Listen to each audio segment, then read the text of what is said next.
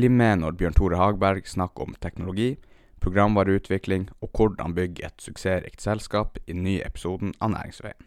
Han startet sin reise som ansatt i Alt kommune, før han begynte på en bachelor innenfor informasjonsteknologi ved Høgskolen i Finnmark.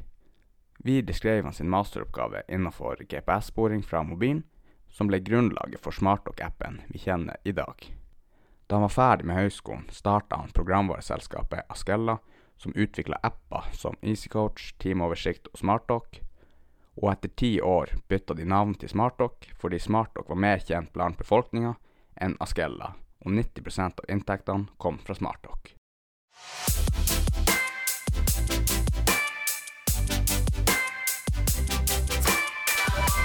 Velkommen på podkasten. Takk, takk. Og det går jo opp for meg nå med en gang når jeg sitter her, at eh, jeg har en gul lapp med Og jeg vet at du hater gule lapper. Nei, det, det, det, det er en overdrivelse. Ja. Men i den grad man kan fjerne papir og sånt, så vi prøver vi på det. ja. Um, um, jeg bruker papir jeg også innimellom. Så det, Du gjør det? Ja, ja, ja. Ikke helt fanatisk. En skitten hemmelighet. Ja, ja, skitten hemmelighet. Ja, for du Du er jo vel eh, daglig leder nå i SmartDock, Ja. og eh, dere har jo akkurat eh, solgt til eh, Visma. Kan du fortelle litt om eh, hvorfor du valgte å selge til Visma? ja, det er jo ikke akkurat da. Det skjedde i Ja. 2018. Nei, det er sånn at eh, jeg har jo Jeg starta jo SmartTalk eh, tilbake i 2005. Og på en måte har gründa det frem til da i 2018. Og da sto vi egentlig på et lite sånn veiskille. Hvordan skal vi klare å vokse videre? Um, så vi snakka med masse forskjellige bedrifter, og vi fikk jo masse henvendelser. Eh, jeg har jo fått i mange år på bedrifter som ønsker å kjøpe SmartTalk. Så da bestemte vi oss, vi som var da eiere i SmartTalk, på at vi, vi kjører en strukturert prosess, snakker med dem og så ser hva som kommer ut av det. Og ser hva de har å tilby. Ehm, så det var egentlig det som fikk denne ballen til å begynne å rulle. Og viktig var jo at selskapet skal vokse videre og på en måte være det det er i dag. Og det er jo det vi har fått til da med Visma. Med at vi fortsatt er lokalisert der vi var lokalisert. Vi vokser videre og får god hjelp til å bli et enda mer solide solid og trygt selskap. Mm. Hadde dere fått tilbud fra noen lokale aktører, eller er det sånne større software? eh, Nei, ingen lokale. Det var, det var nasjonale og internasjonale aktører som var på jakt etter. Så vi hadde var et spennende selskap med en spennende vekst. Um, hadde vel den gangen vært Gaselle seks år på rad. Ja, Sånt blir lagt merke til. Så um, det var ja, Men vi har faktisk fått henvendelser fra forskjellige selskaper helt siden 2008 var faktisk den første. Ja. Så det har vært jevnt og tutt. Men jeg har merka spesielt fra 2016 og ut, så merka vi det at det var stort trøkk. Så det var månedlig så kom det henvendelser inn. Ja. ja, for dere starta det i Var det 2005 dere starta det? 2005 starta vi det. Her var dere på noe eh, Det var en kontorlokale i Bossekopp i den tida. Ja, eh, gamle posthuset i eh, Bossekopp. Der var det første kontoret. Ja. Eh, Origo holdt jo til der den gangen. ja okay. LKL var jo også der. Såpass. Så um, vi var en del selskaper som satt der da. Men da Kunnskapsparken ble åpna, så flytta de aller fleste selskapene hit i Kunnskapsparken. Ja. Da ble vi også med på lasset. Det har jo vært en spennende utvikling, i hele prosjektet. Ja, det har det definitivt vært. Jeg kan jo si litt om det. Det, det startet som sagt eh, høsten 2005, og jeg var jo den eneste ansatte og den eneste eieren den gangen. Og så har vi bygd stein på stein eh, år for år. Vi ble to da i 2007, så ble vi tre i 2009. Og um, i dag så er vi jo 40 ansatte. Ja. Så det har vært en eh, voldsom, eh, voldsom vekst. Ikke så mye de første årene. Det gikk jo kanskje litt seinere enn man hadde håpa og trodd i de første årene. Um, så det tok lengre tid å bli fire-fem ansatte enn jeg hadde trodd. Men så gikk det veldig mye fortere fra vi var 15-16 og til vi i dag er 40 ansatte. Ja. Bare i fjor så ble vi jo ni ansatte ekstra. ja, det er jo ganske heftig. Ja, det er det. Og så har vi jo hatt en lønnsom vekst hele veien, da. Vi har aldri brukt mer penger enn vi har tjent. Og vi har hatt pluss pluss i regnskapet bestandig. Mm. Men vi har investert mye i nye ansatte til enhver tid, så eh, ja. Viktig å få på plass gode folk og få en solid organisasjon på plass når man skal ta den veksten som vi har hatt og kommer til å ta. For når man er sånn programvareselskap, er ikke, da er vel egentlig mesteparten av kostnadene ansatte og en datamaskin per ansatt? Den største delen av kostnadene er jo ansatte, ja. Mm. Definitivt. Det er ikke så mange ting vi trenger å kjøpe inn. Eh, Vi, vi lager produkter sjøl til enhver tid. Men selvfølgelig vi har jo en del andre kostnader òg, men Ja. størstedelen av, eh, av eh, Vi har ikke stor varekostnad som så, men det er jo personalkostnaden som er, som er stor. ja. Men SmartDoc, det var vel ikke Heter dere ikke Askello? Askella, ja. Eskella? Ja, Ja. Ja, det var det som var eh, det første navnet. Vi het faktisk Askella helt frem til 2015. Men eh, tanken den gangen var jo at vi var et programvarehus som utvikla forskjellige produkter. Og det har vi også hatt. Smartdock var en av produktene som vi har hatt hele tida. Første versjon av Smartdock var jo klar allerede i 2006. Så produktet Smartdock har jo eksistert siden tidenes morgen. Men så gjorde vi et valg i 2005 om at vi, eh, vi skal egentlig fokusere 100% på Smartdock og kutte ut alle de andre tingene som vi gjorde. Og da, hvorfor skulle vi da hete Askella? Mm. Som er på en vanskelig måte å markedsføre produktet og bedriften på osv. Så, videre. så vi er et så, såkalt One Product Company. Ja. Um, og har fokusert 100% på SmartDoc da, siden 2015. Og det er vi ganske sikre på at det var et fornuftig valg å ta. Mm. Hvordan, dere hadde vel noen produkter for Helse Finnmark og sånne coaching-apper, eller sånne treningstider? Ja, vi har gjort litt forskjellige ting. Vi har tatt litt sånne konsulentoppdrag og gjort en del ting rundt det. Så har vi hatt en del egne produkter, bl.a. et produkt som heter Timeoversikt. Vi har hatt noe som heter Easy Coach. Ja, så er det vel som sagt gjort litt sånne konsulentoppdrag og laga systemer for andre bedrifter også. Um, men som sagt så fant vi ut at skal, uh, skal du være skikkelig god i noe, så må du fokusere 100% på det. Og det tok vi egentlig konsekvensene av den gangen da, og kutta ut alt. Ja, ja Når bestemte dere for å gå all in da med SmartDoc? Det var 2015 at vi tok det valget. da. Ja. Men allerede den gangen så hadde jo 90% av inntektene våre var jo fra SmartTalk. Mm. Så, um, men det å få 100% fokus Det er jo sånn at Skal du bli verdens beste fotballspiller, så kan du ikke drive med hekkeløp og synkronsvømming og, og ski osv. Så, Ja. videre. så du, du, må, du må rendyrke.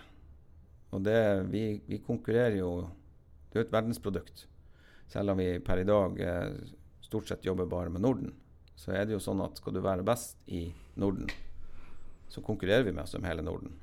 Mm. Da, er, da holder det ikke å på en måte gjøre det sånn venstrehåndsarbeid. Så det, det var det all in. Ja. 100% på det. Og det Ja, hvor har dere Hvor dere er plassert nå sånn kontormessig? Kontormessig så er vi jo i Norge og Sverige. Vi har jo størsteparten av ansatte i Alta.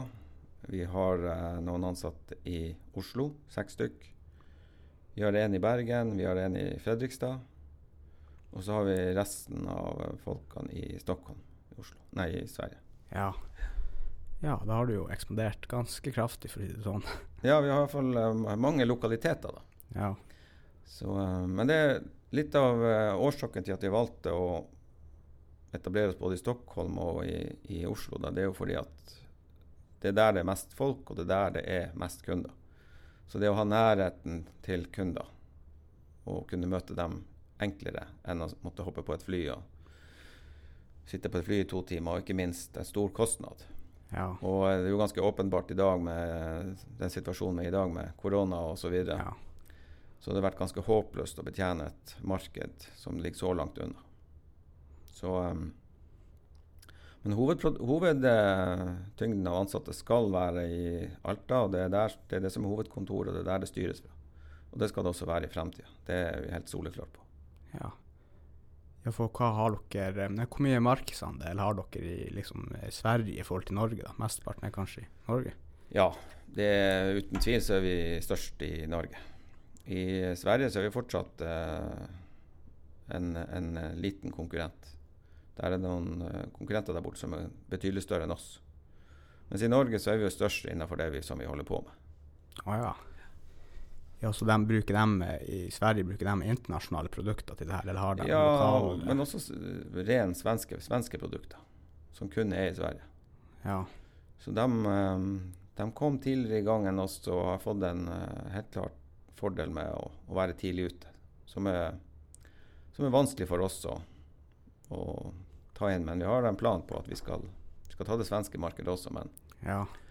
det er veldig viktig at vi står solid i Norge eh, hele veien. Det er tross alt det som er på vår, uh, viktigste plattform. Ja. Så vi må ikke miste markedsandeler i Norge. Helt støkede. Ja. Så tenker dere å ta over hele Europa før dere går videre til verden? Det viser seg det at uh, vi har nok hatt litt sånn ambisjoner om å ta hele verden uh, tidligere, men realismen har jo sunket litt inn da. At det, mm. er, det er ikke så enkelt som det høres ut som. Og vi ser hvor viktig det er å forstå de små forskjellene fra land til land for å virkelig gjøre suksess. Og vi er en del av Visma nå, og Visma har jo selskaper i alle land i Europa, stort sett. Men også der ser man hvor vanskelig det er å lykkes i mer enn ett land. Ja. Det er veldig få produkter i Visma-familien som har klart å lykkes i mer enn ett land. Okay. Og med det friskt i minnet så tror jeg vi skal i første omgang fokusere på Norden. Ja. Og så um, Og Europa er et ganske stort marked, så uh, vi har ingen ja. middelbare planer om å gå til uh, USA eller noe sånt. Ja. Nei. Vi, det er stort nok det markedet vi opererer i. Så lenge det finnes masse kunder som ikke har tatt i bruk Smarttalk, så ser vi ikke noe poeng i å stresse til, til nye markeder. Mm. Gjøre en god jobb der vi er ja, ta og fokusere på kundetilfredsstillhet, og så kommer markedsandel som et biprodukt av det. Ja. Kanskje bedre. Ja, men det er jo veldig spennende eh, tider man er i da. Og hvordan, det det. hvordan påvirker korona dere? Ja, det er jo litt sånn uh, delt, da, fordi at um, innenfor Vi har jo delt opp det i to deler. da, Det, det si, nye kunder og eksisterende kunder. Og det vil si at De eksisterende kundene, dem, der skjer det egentlig veldig lite. Det har vært lite oppsigelser og frafall i forbindelse med det her. Men vi ser at det å få tak i nye kunder har vært vanskelig. Spesielt i mars måned så var det nesten umulig. Ja. Men vi ser at nå i april så har ting løst seg litt opp, og eh, bedriftene har fått mer tro på fremtida. Så, um, så det har vært litt sånn delt. Og så er det jo sånn da at Digitalisering har jo vel aldri vært viktigere enn det er nå. Og SmartDoc hjelper jo til med å digitalisere bedriftene. Så uh, på den ene sida så er jo det absolutt et verktøy man bør vurdere hvis man ikke har digitalisert enda. Som mange andre produkter. Og vi ser jo det at det er mange bedrifter som har fått virkelig fart på digitaliseringa i de her tidene. Så det å kjøre nettmøte og videomøte og den type verktøy det har jo aldri vært så mye brukt som det er nå. Og bedrifter som tidligere ikke brukte det, bruker det daglig nå. Så, um, så, behovet for digitale verktøy er jo absolutt til stede. Og ikke minst skybaserte løsninger, der du kan jobbe fra hvor som helst. Om du sitter hjemme, eller om du sitter på kontoret, eller om du er på reise eller på ferie, så har du tilgang til din viktige informasjon om din bedrift, og kan styre bedriften ut ifra de tallene som kommer inn. Ja. Så um, digitalisering er Ja, det, det, har aldri vært viktigere enn det nå. Nei, det er jo helt enig med deg. Og men, dere leverer sånn her, er ikke det abonnementstjenester, det her SmartDoc? Ja, det er en, SmartDoc er jo en abonnementstjeneste som gjør at um, at du signer opp for ett år, da, og på en måte bruk, har tilgang til tjenesten, systemet, da, i den tida. Mm. Og så er det jo da en årlig fornyelse for dem som da ønsker å gå videre. Og de aller fleste gjør jo det, da. Um, og per i dag så har vi jo også en, en, betalingsmodell som gjør at det er så å si ingen oppstartskostnader. Så du betaler det samme Ja. fortløpende. Så det investeringskostnaden for bedriften er ekstremt liten. Da må vi investere litt tid i å komme i gang, men lavest mulig terskel for å ta det i bruk. Det er egentlig det som er, og det ser vi jo en sånn gjenganger i de aller fleste systemer i dag. Den tida der du investerte flere hundre tusen for å komme i gang med et system, den er mer eller mindre forbi. Det er fortsatt noen sånne systemer som henger igjen, men eh, de aller fleste i dag de har en litt enklere inngangsbillett til å starte med å bruke løsninger. ja, for er ikke det sånn software as a service? Ja, skytjeneste, software as a service, SAS. Ja, Ja. kjært barn har mange Ja, navn. stemmer. Ja, nei, det er nok fremtida, det. Ja da, det, det er ingen tvil om det. Og det at bedrifter selvfølgelig slipper å forholde seg til at det her skal installeres på en egen server, og det skal tas backup, og det ene med det andre.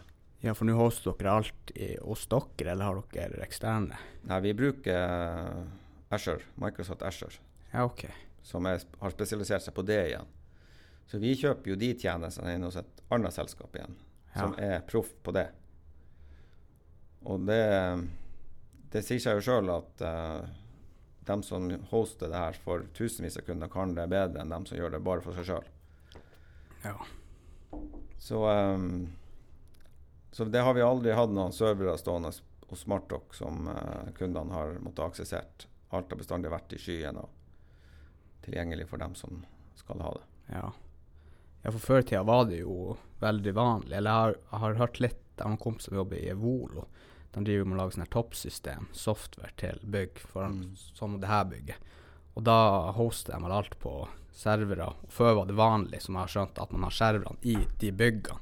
Men nå når man har det skybasert og sentralisert, så er det enklere å oppdatere og drifte og vedlikeholde. Ja, du får jo en stordriftsfordel som du ellers ikke ville ha fått. Mm. Så um, Nei da, det, det Fremtida er definitivt skybaserte tjenester. Den som på en måte fortsatt sitter med det som vi kaller for on-premise, dem blir det bare færre og færre av. Og det er jo sånn at I Visma-familien så er det jo masse produkter som fortsatt er on-premise. Eh, men vi ser at det, den prosentandelen med software as a service bare går opp og opp. og Planen er jo å kutte ut all on-premise Mm. software i Visma. Ja. Det, det går jo den veien. Så man gjør jo ikke så mye på å oppgradere og videreutvikle de gamle løsningene. Det er fokus på de nye, som er skybasert. Ja, For dere har fortløpende oppdateringer av hele systemet? Ja, det er jo sånn at Når vi kjører en oppdatering i SmartDoc, så er det jo egentlig automatisk tilgjengelig for alle våre 2400 kunder. Og 65 000 brukere. Ja. Så um, hadde det her da vært fordelt på 2400 servere, ja. Så hadde det vært et litt annet styr. Så er det sånn at Vi kan jo også si at denne oppdateringa skal kun gjelde for bedrifter av type A. Så at man på en måte begrenser det litt i den Så det er ikke sånn at vi tvinger gjennom all type oppdatering. Mm. Så kanskje bare de kundene som har modul A, skal få oppdateringa, eksempelvis. ja. Det er en mulighet vi har i, i løsninga i dag. Og så er det jo sånn at Før var det ofte kanskje vanlig at det kom én eller to store oppdateringer på programvaren i løpet av et år. Ja. Uh, I dag er det kanskje mer vanlig at det kommer faktisk en liten release en gang i uka. Så det er 52 oppdateringer, så det oppdateres gradvis hele veien. Hvorfor skal man vente tre måneder på en liten oppdatering hvis man kan få det allerede i dag? Ja, ja. Og så er du sikkert kritisk for det ut tidlig hvis det er sikkerhetshull eller noe lignende. Ja, det er jo selvfølgelig en del av det. Men hvis det er en liten forbedring som kan gjøre at uh, folk kan bruke løsninga enklere, så hvorfor skal man vente på den i to måneder? Ja, ja. Så det kommer kjapt ut med oppdateringer som vi gjør til enhver tid. Det og de aller råeste bedriftene de kommer med daglige oppdateringer. De gjør det, Ja. Jeg får i hvert fall mail nå fra Microsoft hele tida når de har oppdatering, og det er jævlig irriterende. For det står bare på gresk for min del. Den supertekniske oppdateringen de har i systemet, og nå kan du gjøre ditt og datten. Og jeg vet ikke, jeg har ikke prøvd å få det vekk, men det må jeg fjerne. ja. Nei da, det, det er klart at uh, det må ikke bli sånn at det blir for mye. Nei. Men det er jo det er veldig selvfølgelig sentralt og viktig å skrive ting på et språk som folk forstår. Det er det jo. Og Ja. informere de rette personene, så ikke folk som ikke bryr seg, får uh, informasjon de ikke nødvendigvis trenger. Ja, absolutt. Men hva, hva du egentlig styrte med før du begynte å eh, lage SmartDoc? Jeg var um, lærer borte på det som i dag heter Universitetet, Mm. Høgskolen i Finnmark. IT-lærer. Ja. Der var jeg fra 2002 da. Til eh, Nei, det var jeg ikke. Jeg var fra 2001 ja. til 2005. Og før det så var jeg jo student på den samme skolen da. Så mens jeg var da lærer på høyskolen, så tok jeg også sivilingeniørstudiet i Tromsø ved siden av, innenfor informatikk. Og under diplomoppgaven der så um, lagde jeg min første app, som egentlig er litt forløperen til SmartTalk. ja. Så da fikk jeg en idé om at uh, det her kan eh, løse et behov som finnes i bygg- og anleggsbransjen. Riktignok var det en annen type app som jeg lagde, men mye av de tankene og de ideene som kom gjennom den, var egentlig grunnlaget for å starte SmartTalk. Og det her er jo da før ordet app faktisk fantes. ja. Ordet app ble vel introdusert først i 2008. Ja, når iPhone Ja. kom. AppStore og Apple kom Ja. med det. Så uh, vi kalte det for mobil applikasjon da, helt frem Ja. til det. Og ingen som egentlig skjønte hva vi holdt på med, men uh, etter at uh, folk begynte å kjøpe seg iPhone, og det er vel kanskje De som kjøpte det tidligst, var vel sånn 2007-2008, men de som kjøpte det i store mengder, var vel fra 2010 og ut. Men Mm. først da også dere egentlig skjøt litt fart, da folk skjønte hva det her var for noe. Var det vanskelig å eh, tilpasse fra de enene dere hadde? Måtte dere ikke begynne helt på nytt da med koden for å kunne kode på Apple sin Ja, ja. plattform? Vi begynte helt på nytt når eh, vi, Før så lagde vi jo på si appen på en vanlig Nokia-knappetelefon. Så det var jo liksom det som var starten. Men um, så når vi begynte å lage den første appen da, for, uh, for eh, iPhone så, eh, og Android, så starta vi helt på scratch. Men hadde jo samme type funksjonaliteter som, som vi hadde hatt i flere år da, på type Nokia, Sony Eriksson osv. Så, videre. så det var et helt nytt produkt sånn, sånn sett. Ja. Men vi har jo vi har jo starta på nytt flere ganger. Ja. Ja, vi, den appen som i dag, den starta vi helt på scratch og helt på nytt igjen i, tilbake i 2017. Å ja. Så vi har, uh, vi har forkasta gamle ting ofte og Ja. begynt helt på nytt for å på en måte ja, bli kvitt litt gammel teknisk gjeld ja. Litt ja. dødvekt. dødvekt. Ja. Ja, man lærer jo enormt når man har laga en applikasjon, så når du skal lage den på nytt, så er det jo, har du en helt annen tankegang. Og samme er jo med web. Vi, gjør jo ting helt på nytt der også. Vi, eh, en modul kan jo kanskje gjøre helt på nytt og oppdatere, og, så den på en måte for kunden fremstår som eh, på mange måter som har samme funksjonalitet, men i bruk og måten den er lagd på, er egentlig helt ny. Mm. Så det er jo faktisk sånn at i dag eh, så har vi jo 20 ressurser som bare sitter med produktutvikling hver eneste Ja. dag. Ja, det er mye kapasitet. Ja, men tenk på at hvis vi går tilbake til 2012, så var vi fire-fem som jobba med akkurat det samme. Og nå har vi Mm. 20. Ja. Så, eh, men det er klart vi har flere kunder, det er mer å ta hensyn til, og kravet til sikkerhet er blitt større. og det, det krever mye mer i dag enn det gjorde den gangen. Så eh, investeringa er formidabel. Mm.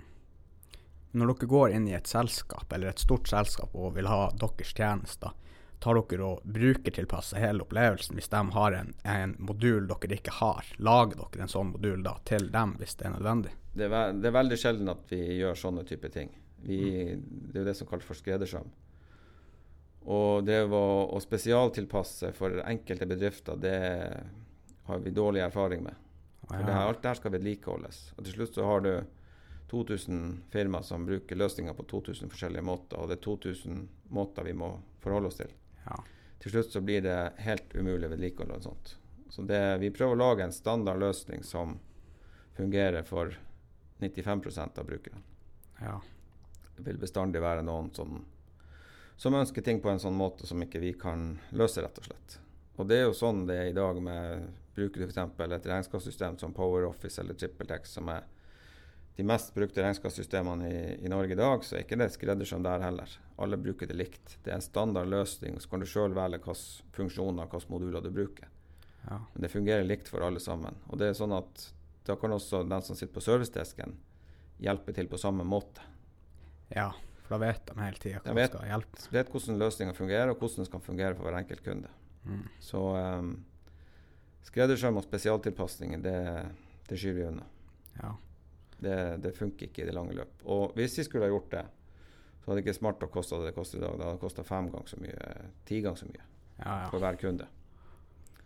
Det hadde rett og slett ikke vært lønnsomt, verken for bedriftene eller for oss. Ja. Jeg ser jo PowerOffice de har jo gjort det jævlig bra på rating av brukertilfredsstillhet. Mm. Og fiken kom nest nederst. Og jeg bruker jo fiken i dag, så jeg tror jeg må kanskje bytte det. ja. Ja da, det er veldig mange som skryter av PowerOffice. Vi bruker det også sjøl i dag, men uh, det finnes jo veldig mye bra løsninger der ute. Det gjør det. Ja. Og de skybaserte løsningene er jo i stor grad veldig mye enklere og bedre å bruke enn de gamle on-premise-løsningene som, ja. som, mange kjenner til. Når du leverte denne oppgaven da på UiT, var ikke det nest beste studentoppgave som var levert i hele landet? Ja, jeg hører du har gjort litt research. ja, jeg er litt forberedt. ja, Nei da, det, var, det er for så vidt sant. Det var en sånn en, uh, Rosingpris, som det het den gangen. Jeg vet ikke om det faktisk deles ut lenger, men da var det også sånn at man har uh, forskjellige Rosingpriser. Alt ifra Alt fra beste app til beste um, kundeopplevelse til beste ditt til beste datt. Og det her var da beste studentoppgave som mm. det ble nominert til. Og da kom jeg til finalen og ble da nummer to. Ja. Så um, Det var artig. Ja da, det, det, var jo det. Men det, det var jo aldri det som på en måte var Det var jo aldri noen plan eller noen ambisjon om at, at vi skulle dit, da. Så det er jo liksom tilfeldigheter som gjorde at vi havna inn i det systemet. Mm. Så um, ja. Ja, men du, dere har vel, eller du har fått ganske mange priser opp gjennom årene? Ja, vi har jo det i Smartdoc. Så har vi jo fått alt ifra gaselle, vunnet gasellekåringa i Finnmark. Vi har uh, ja, næringsforeninger og, og uh, ja. Ja, det meste man kan vinne, egentlig. Ja, kanskje ikke det meste, men vi har fått mange priser opp gjennom årene, og det er jo veldig hyggelig. Men uh, til syvende og sist så er jo det viktigste er jo at man får kunder, og man får ja, ja. gode tilbakemeldinger fra kundene. Og, og det, er jo, det, er jo, den største prisen du kan få. Mm. Og det er det som er det aller viktigste. Men vi er veldig stolte av at de har uh, vunnet, eller kommet på, som, uh, på Gasellelista åtte år på rad. Ja, det er jo helt rått. Sammen, sammenhengende. Så hvis ikke jeg tar veldig feil, så blir vi nummer ni også nå til høsten. Da. Så um, det, det, er ikke så veldig mange bedrifter som har gjort. Så det forteller noe om at man ikke bare har hatt vekst over kort tid, men over lang tid.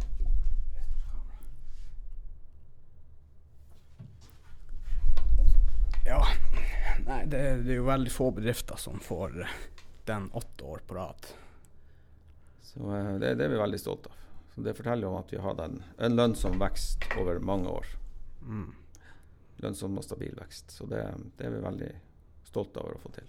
Ja.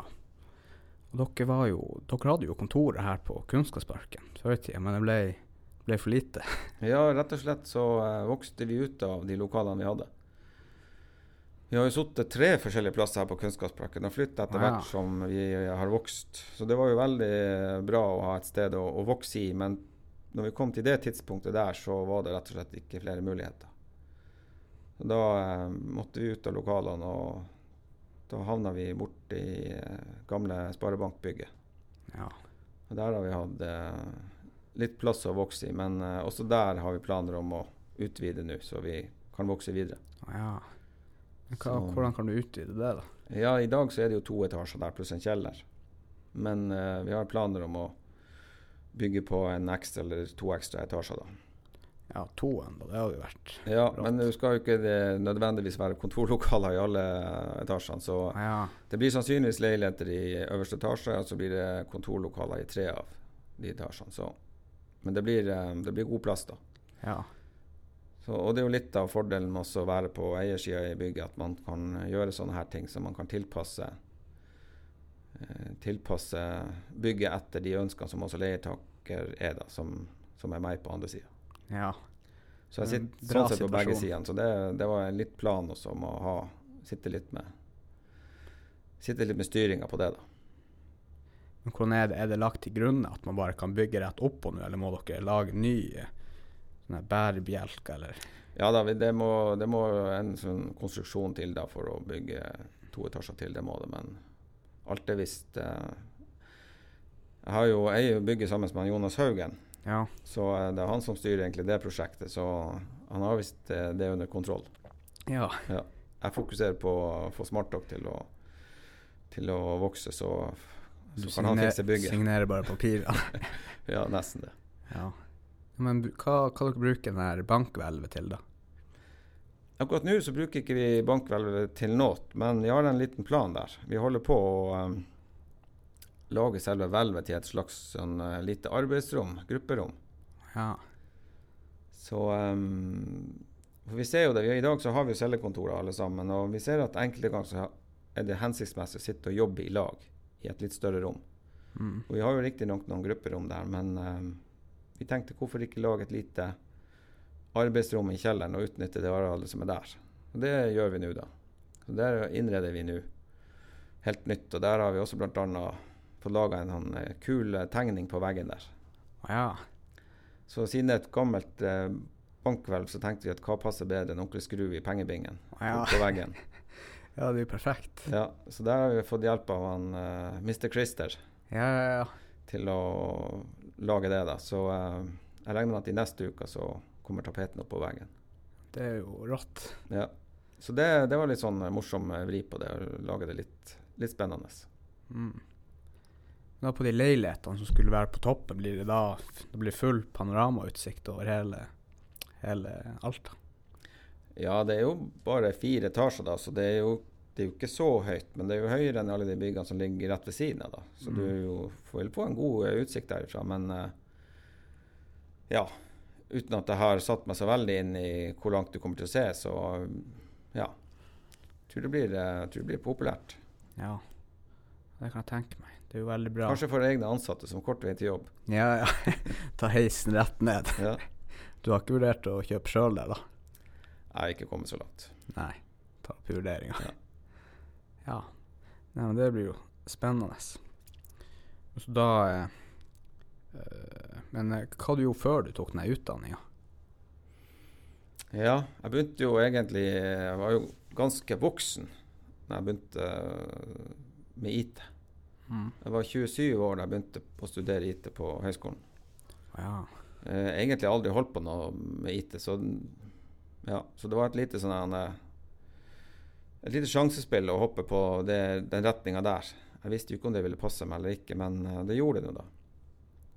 Men før det så jobba jeg i Alta kommune på, uh, i helse- og sosialadministrasjon på kontoret der. Mm. Så det var faktisk fra 92 til 98, så var jeg der seks år. ja. Så um, Så det var ingen IT-relatert? eh, Nei, da har ikke holdt ikke noe spesielt på med IT, og ikke har holdt på med entreprenørbransjen heller. Nei. Så egentlig to ting som er litt sånn uh, på sida av det. Så fikk du bare tanken tanke en dag at eh, nå har lyst til å gjøre noe nytt, eller? Ja, det her med, med, det her med at jeg begynte å studere, det var egentlig det at jeg ja, hadde egentlig lyst til å gjøre noe helt annet. Og, og det er viktig det at Ikke for å snakke ned eh, en gammel arbeidsplass, men det var nok ikke det rette for meg. Det var eh, litt for lite action Ja. i forhold til det som, eh, som jeg ville ha. Og da, da tenker jeg at da må du ta tak i og gjøre noe med det. Så da, da ble det å begynne på skole og begynne med noe helt nytt. Som har vært Som også er riktignok en tilfeldighet, men Mm. Hvordan, det, hvordan det ble som det ble, men det kan jeg snakke om i en annen sammenheng. Det, Ja, ja. det er en lang historie. ja. Så, um, men jeg er veldig glad for det valget som jeg tok. og det var ikke noe selvsagt at det skulle gå rette veien. da. Så det er jo sånn som det er her i verden, at man styres mye av tilfeldigheter også. ja. Men, uh, men ofte så lønner det seg med hardt arbeid. Så da, da går det meste seg til. Ja, ja. Så du satt aldri og koda ned i kjelleren eller noe sånt? Før. Nei, jeg, aldri, jeg hadde ikke, kjøpte ikke PC før i 98. Ja. Hadde vært eh, tre ganger på internett før jeg begynte å studere IT. Det var jo ikke så vanlig da den gangen, men eh, Ja, men jeg fikk ikke den tradisjonelle datanerden som har sittet på gutterom og holdt på med datamaskiner siden jeg var liten. Det, ja. det, er ikke meg. Samtidig så tror jeg at det kan jo være en av de styrkene til at man kanskje klarer å relatere og lage programmer som folk forstår. Ja. Fordi at man ikke er Har litt sosiale antenner. Ja, til en viss grad så vil jeg nok påstå det. Ja. Så jeg tror nok at det har vært en styrke, det å, å ha sett det litt fra andre sida. Og klare å matche eh, behovet i entreprenørbransjen med hvordan du skal kode og lage det. Ja. Så um, det har nok vært en styrke i så måte. Men den bacheloren, tok du den her i Alta, eller var det også i Tromsø? Den bacheloren tok jeg her på universitet... Nei, på altså, ja, det heter Universitetet ja. nå, men det som den gangen het Høgskolen i Finnmark. Da hadde vi jo en treårig IT-linje. Ja. Og den gangen så var det jo flust av studenter. Jeg tror vi var 35 stykker som starta på det treårige studiet den gangen. Og så var det vel 35 som starta på et ettårig studie. Og det var de plassene man hadde. Så det var helt fullt. Det var mange som ikke kom inn den gangen, i 98. Ja. Så da var det skikkelig populært. Men så skjedde det jo noe eh, på begynnelsen av 2000-tallet. Ja, dotcom-bobla dot sprakk, og det var vanskelig å få seg jobb når du hadde gitt utdannelse. Så det resulterte i at færre og færre studerte det. Og um, etter det så har man på en måte aldri fått det helt opp å stå, Nei. Det, det studiet der. Så um, For har de det nå i dag der, eller? Ja, der er et IT-studie, men det er jo ikke det studiet som var den gangen. Dette er et studie som, som, jeg har forstått, går gjennom uh, går gjennom eh, si, ingeniørstudiet. Ja. Så det er sånn desentralisert studie. Så det, der er ingen lærere der borte. Så de følger den type video, videomøter og den type ting. Så det er vel to studenter som er der borte nå på tredje året. Ja. Det er ikke så mange. Nei da, så det, det, er dessverre For Alta sin del så er det jo negativt at ikke det er flere som utdanner seg innenfor det. Ja. Dere har ikke vurdert å starte noe sånt trainee-program der hos SmartDoc? tar dem inn fra begynnelsen av? Vi har jo ansatt folk som uh, ikke har formell utdannelse. Så i den grad uh, så, så, vi har gjort det òg. Mm. Så det er jo ikke sånn at du må ha en uh, eller en bachelorgrad for å jobbe med koding. Hvis du bare viser at du er flink nok, så er det godt nok for oss. Ja. Så vi har gjort det òg. Men det er klart det er jo en trygghet i at de også har det formelle på plass. Det, men som sagt, det finnes kjempedyktige folk som uh, ikke har papirene i orden. Så det, det er ikke noe Det er ikke sort-hvitt. Og kanskje mer respekt for dem som virkelig har klart å lære seg alt sjøl og er skikkelig gode i det. Det jeg tenker at da ja, selvgående. Da har, du, uh, da har du passion og da har du drive på det du holder på med. Og da Ja, et veldig viktig ingrediens i å være en god, god arbeider. Ja. ja, så utdanning er ikke alt, rett og slett. Nei, det er ikke det. Nei. Så det er jo blir jo eh, Det er mange av de her store, Steve Jobs og Elon Musk, og de tar jo også og sier at bare søk. De bryr seg ikke om du har høyskoleutdanning engang. Eller jeg mener high school i USA. Ja. ja. Så det er jo ja da, og det er verken Bill Gates eller Steve Jobs hadde vel fullført sin utdannelse, så eh, Nei. Ser hva de klarte å, å ja. skape, så ser man at det, det, det, er fullt mulig. Apple nå er det vel verdt hva, én trillion dollar? Er det det verdt? Iallfall uh, en fantasilion. En fantasilion, ja. ja, det er iallfall uh, ja, enorme verdier. Ja. Han har mye cash på bok, det skal han ha. Det er ikke mange som klarer det. Men ja eh, Men har du noen tips til gründere, eller noen som ikke vet hva de er gründere, men har lyst til å gjøre noe i den retninga? Ja, det er jo uh, det som kan si, det er jo at uh, som regel så tar ting litt lengre tid enn man tror. Det er ofte litt vanskeligere enn man tror. Men samtidig så er det sånn at hvis man da først lykkes, så er det enorme muligheter. Så det å uh, jobbe hardt, få med seg gjerne noen medgründere, ha noen å diskutere med. Jeg var alene i starten, men hadde riktignok med meg et styre som var veldig sentralt. Så det å ha med seg noen, noen rundt seg som er rådgivere, som virkelig tør å eh, si, stille de vanskelige spørsmålene. Ja. Fordi at eh, Det er greit at vi, trenger noen, at vi trenger å bli heia på innimellom, alle sammen, men det er viktig med de kritiske spørsmålene også. For når alt kommer til alt, så eh, er det jo dem som skal betale for det, er jo en kunde, og dem er kritiske. Mm. Jo tidligere du kommer i kontakt med den kunden, og jo tidligere du kommer i dialog med, med de her folkene som stiller de gode, kritiske spørsmålene, jo riktigere blir produktet. Så um, Men det er krevende. Det er mye mer jobb enn man tror. Det tar lengre tid ofte enn man tror. Men um, det er jo absolutt verdt det.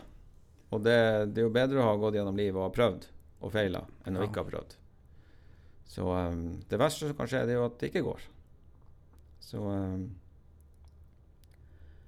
Men uh, det å ha prøvd, det er iallfall veldig artig. Ja. Du må heller ikke være redd for å feile. Nei, det å, å feile er ikke farlig, men uh, det er det man sier at uh, feil fast. Altså, ja.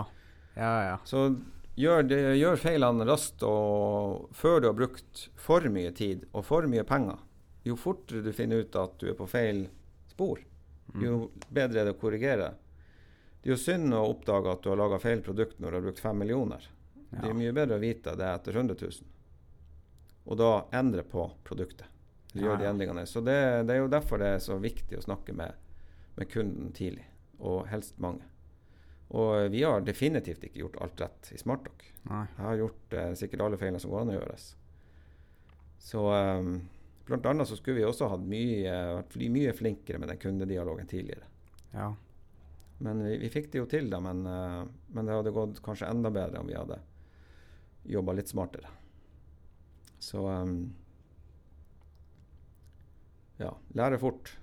Ja. Jeg ser det sjøl. Du noe jeg gjør feil nesten hver eneste dag. Man må bare gå videre. Ja, ja da. Lære av det. Ja, ja. Ikke gjør det på nytt. Ja, det, ja, det, det høres så enkelt ut å si det, men, men, men, det er jo essensen i det. Ja. Jeg blir komfortabel med å ja, mm. feile, rett og slett. Mm. Hva er Når du ikke driver SmartDoc, da, hva du liker å gjøre på fritida? Ja, jeg, jeg har jo styrt litt med hva si, brukt mye tid i Altaelva siden, jeg var en, siden jeg var guttunge. Mm. Så det er jo en ting som har på en måte fulgt meg hele livet. Så um, det er jo en, en, av mine lidenskaper. Det er jo å være i den elva ja. fra mellom 1. juni og ja, i den tida du har døgn. da. Så det er jo en av de tingene jeg gjør. Så går jeg nå litt på ski, prøver å holde meg litt i form.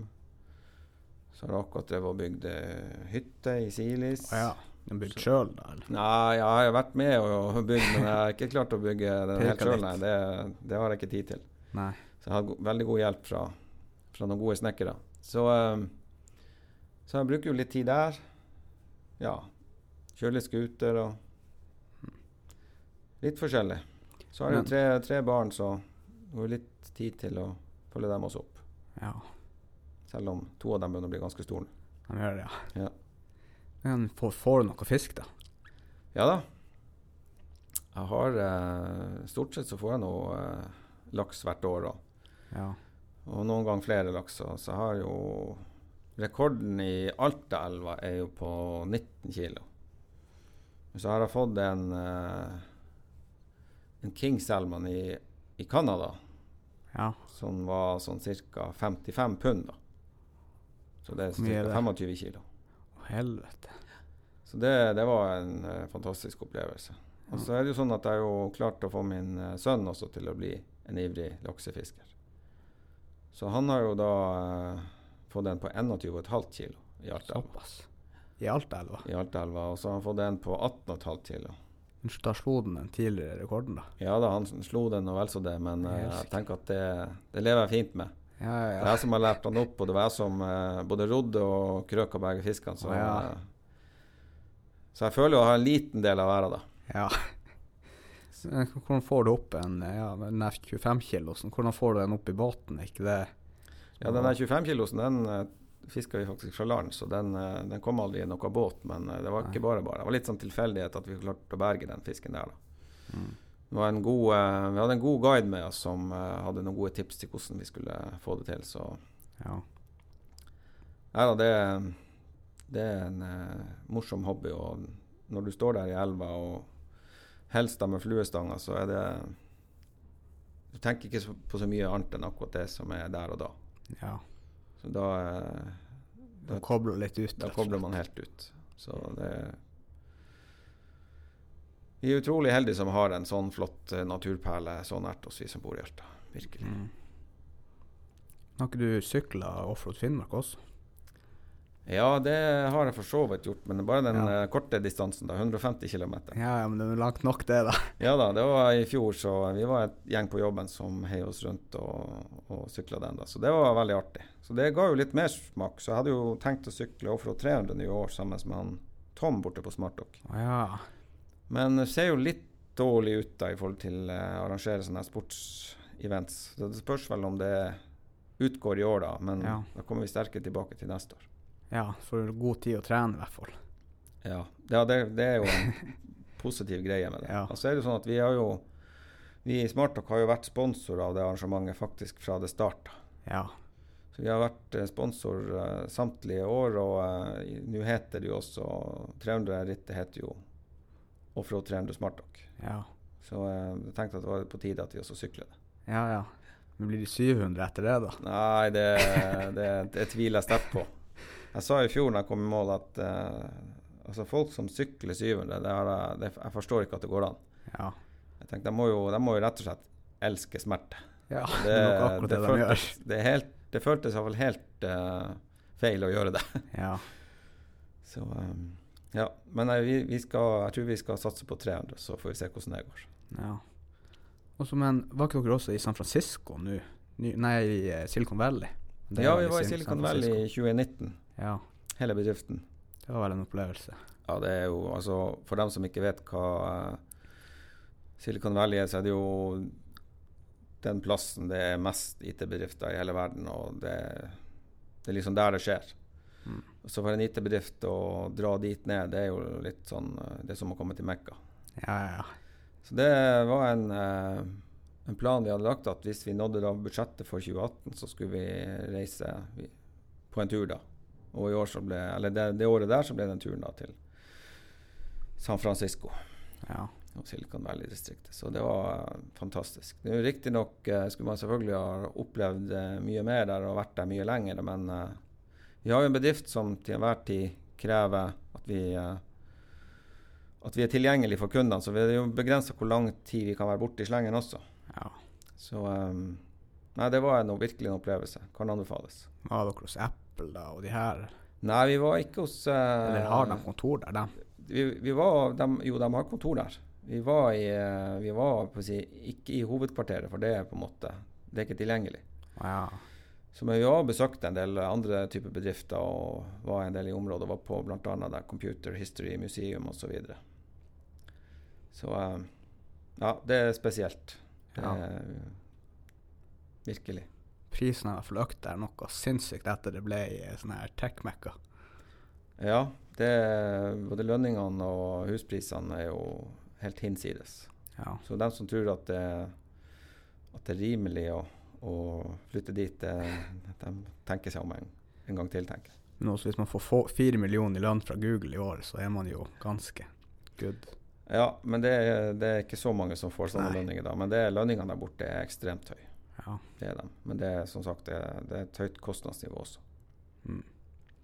Er det noe du har lyst til å promotere for SmartDoc, eller noe generelt du har lyst til å si? Nei, altså det Jeg er utrolig takknemlig for å, si, kommet i den situasjonen vi er kommet i. At vi har klart å bygge opp SmartDoc til at det er det det er, og at har så flotte kollegaer som man har. Som er så positive og er så engasjert og ja, virkelig bidrar til at SmartDoc eh, er kommet dit vi er kommet. Så det her er jo en det er en eh, fellesjobb som er gjort over mange mange år. Og en Mhm. god plan som ligger i bunn, selvfølgelig. Men eh, Jeg er utrolig heldig som er leder for så mange dyktige folk og så mye engasjerte folk som, som vi har. Det, det, er ikke alle, alle forunt, det kan jeg bare si. Så det er en, det er en fryd å, å være leder av Smartdock i dag. Ja. Virkelig. Ja, det er jo artig å se på utviklinga. Det nok være spennende å se i fremtida også hva dere klarer å få til. Mm. Da vil jeg egentlig bare takke at du tok tida til å komme på podkasten og snakke litt skitt. Ja, takk for invitasjonen. Ja, ingen problem.